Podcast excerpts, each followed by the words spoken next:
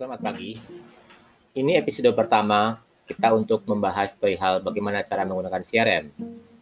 Tapi karena ini perkara suara saja ya, saya hanya cerita.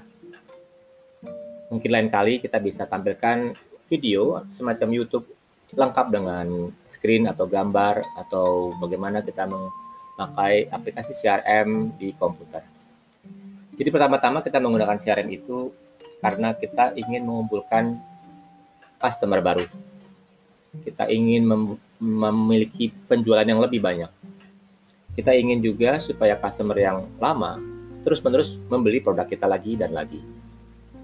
Jadi pertama-tama ketika ingin mendapatkan customer baru, biasanya kita membuat iklan. Membuat hal yang menarik mereka untuk masuk dan mendaftarkan nama dia. Ibarat kita punya toko. Kita punya toko, kita buat ramai, terang, banyak produknya, dan kelihatan menarik dari luar.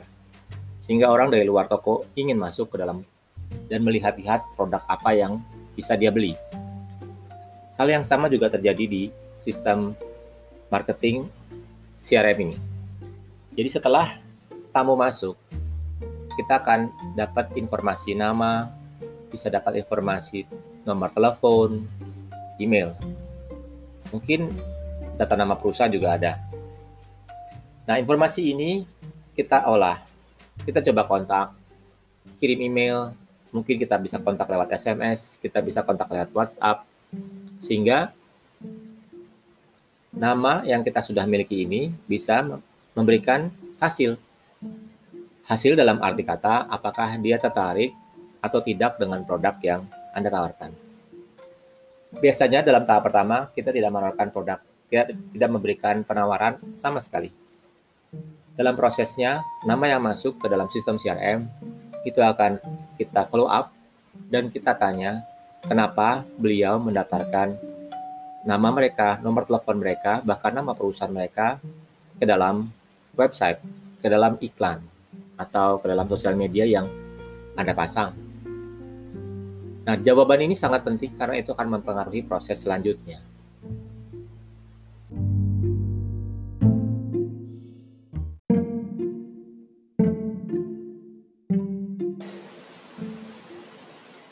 Jadi, dari informasi yang masuk, kita akan menemukan beberapa kemungkinan. Pertama-tama, ketika memang yang mendaftarkan itu memang sama sekali tidak berkepentingan, sama sekali tidak tertarik, atau bahkan berpikirkan untuk membeli produk Anda. Jadi biasanya dia akan memberikan nomor telepon yang tidak tepat.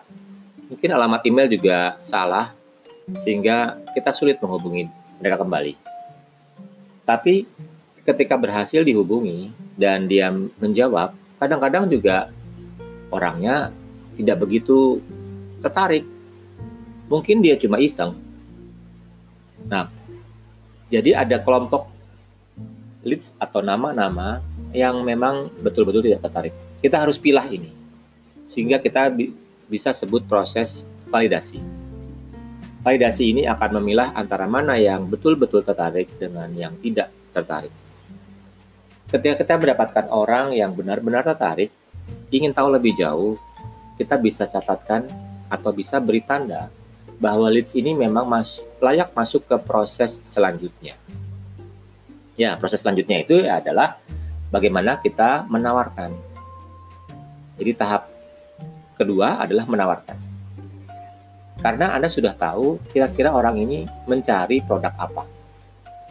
Lain ceritanya kalau Anda tidak tahu, orang itu nggak tahu maunya apa, terus kemudian Anda tawarkan. Tentu sangat sulit, bukan? Oke, nah banyak barang, banyak produk, banyak jasa yang bisa Anda tawarkan. Anda seolah-olah punya toko yang besar, produknya banyak, harganya macam-macam, variannya macam-macam, warnanya macam-macam, dan berharap semua orang pembeli ke toko Anda. Nah, ketika ada pembeli yang ingin menanyakan katakanlah ingin membeli sebuah jam tangan. Ketika berpikir jam tangan, di kepala Anda bukan hanya jam tangan sport, bukan hanya jam tangan untuk acara perkawinan, bukan hanya jam untuk bermain, bukan hanya jam untuk olahraga.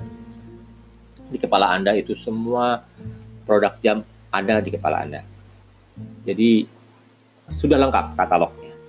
Jadi kalau Anda punya katalog produk ya semua ada di kepala Anda.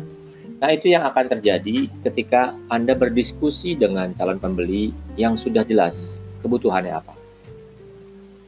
Bawalah ke satu titik, bawalah pembicaraan ke satu titik yang ada ujungnya.